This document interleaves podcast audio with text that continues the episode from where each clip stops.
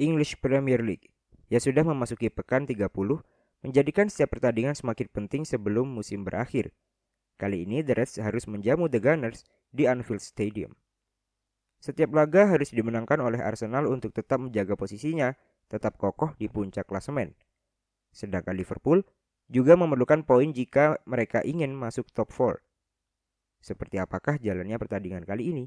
Simak pembahasannya and welcome to Neros Football and Konspirasi.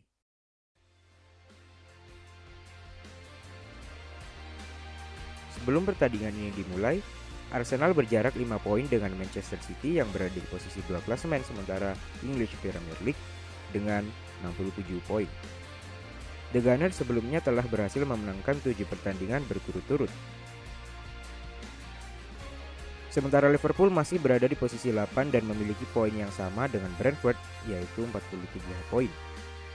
The Reds hanya berhasil meraih satu kemenangan di lima laga terakhirnya, yaitu ketika menang melawan MU dengan skor 7-0. Kemenangannya di pertandingan ini menjadi krusial mengingat kedua klub memiliki kepentingannya masing-masing. Di atas kertas, kedua klub menggunakan formasi yang sama, yaitu 4-3-3. Liverpool kembali memainkan duet Van Dijk dan Konate di pos back tengah dengan Robertson yang kembali mengisi posisi wingback kiri. Curtis Jones kembali dimainkan bersama Hendo dan Fabinho di tengah untuk menopang tiga penyerang Liverpool kali ini adalah Gakpo, Salah, dan Jota. Masih cederanya Saliba, membuat Arteta memutuskan untuk memainkan Rob Holding dan Gabriel Magalhaes di posisi back tengah. Gabriel Jesus yang sudah kembali dari cederanya menggantikan Trossard yang sekarang di bangku cadangkan. Kedua tim menerapkan banyak taktik yang mirip dalam pertandingan ini. Liverpool yang memulai serangan dari lini pertama menugaskan Trent Alexander-Arnold untuk invert ke tengah untuk mengikat winger Arsenal.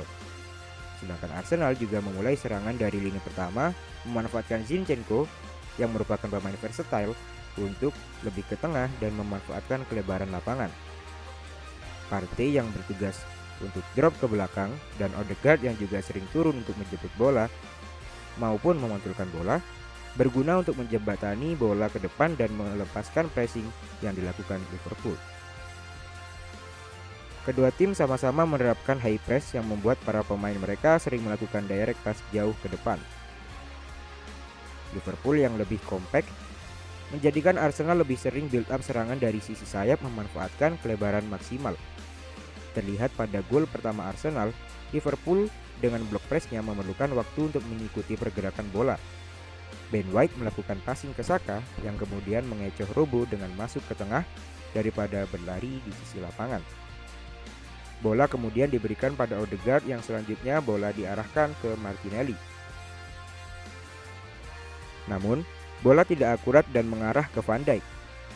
Namun sayang, Van Dijk tak dapat mengontrolnya dengan baik dan bola jatuh tepat di kaki Martinelli, yang kemudian dengan mudahnya ia masukkan ketika sudah berhadapan dengan Alisson. Skor 0-1 untuk keunggulan Arsenal. Martinelli, brilliant feat and he smuggled it in! A huge goal for the title The Gunners berhasil menggandakan keunggulan lewat build-up serangan yang konstruktif. Grand Xhaka yang melakukan direct pass ke belakang backline The Reds dapat disambut dengan baik oleh Martinelli yang bergerak di sayap kiri. Ia melepaskan crossing ke kotak penalti yang berikutnya disambut dengan tandukan Gabriel Jesus dan skor 0-2 untuk Arsenal. Goal scorers for Arsenal that day. Here's Gabriel Jesus. Arsenal make it 2-0. Martinelli and Liverpool. The Reds merespon dengan cukup baik setelah ketertinggalan dua gol. Mereka melakukan berbagai taktik untuk membongkar pertahanan Arsenal. Klopp dapat memanfaatkan dua wingbacknya dengan baik meskipun memiliki peran yang berbeda. Jika Trent Alexander-Arnold sering invert ke area tengah, Robo justru lebih sering overlap untuk melakukan kombinasi dengan winger dan menusuk ke kotak penalti. Liverpool dapat mencetak gol yang diawali oleh Curtis Jones yang dengan beraninya membawa bola hingga ke depan selama beberapa saat.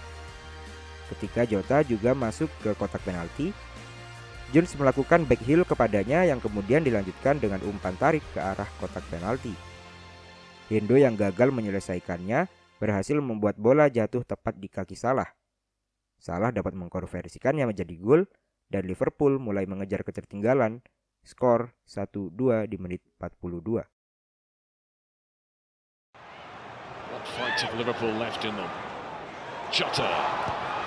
Salah!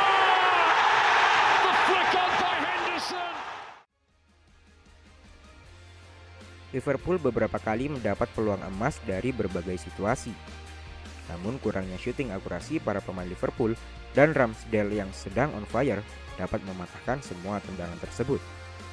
Setelah itu, Arsenal mulai memperkuat pertahanannya dengan menggunakan 5 back. Namun, perubahan tersebut justru memberikan keleluasan bagi Liverpool untuk terus menyerang. Meskipun mengalami kesulitan dikarenakan banyaknya pemain Arsenal yang berada di kotak penalti, tak membuat para anak asuh Klopp patah semangat. Pada gol keempat, Trent Alexander-Arnold berhasil melakukan nutmeg pada Zinchenko yang membuka ruang kosong untuk dirinya melakukan crossing. Firmino yang sudah bersiap di kotak penalti berhasil memasukkan bola dengan tadukannya yang cukup keras. Skor dua sama tak berubah hingga pertandingan selesai. Enormity of what's happening here. Alexander Arnold. Roberto!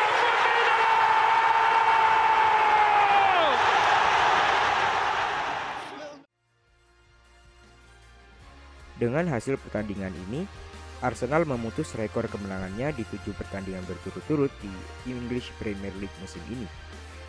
Ini menjadi keuntungan bagi Manchester City yang berada di posisi kedua untuk tetap bersaing merebut league title. Liverpool yang hanya meraih satu poin harus puas dengan tetap berada di posisi 8 klasemen sementara.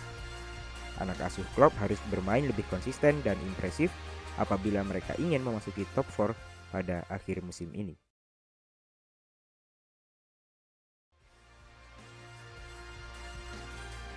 Sekian dari aku untuk episode kali ini.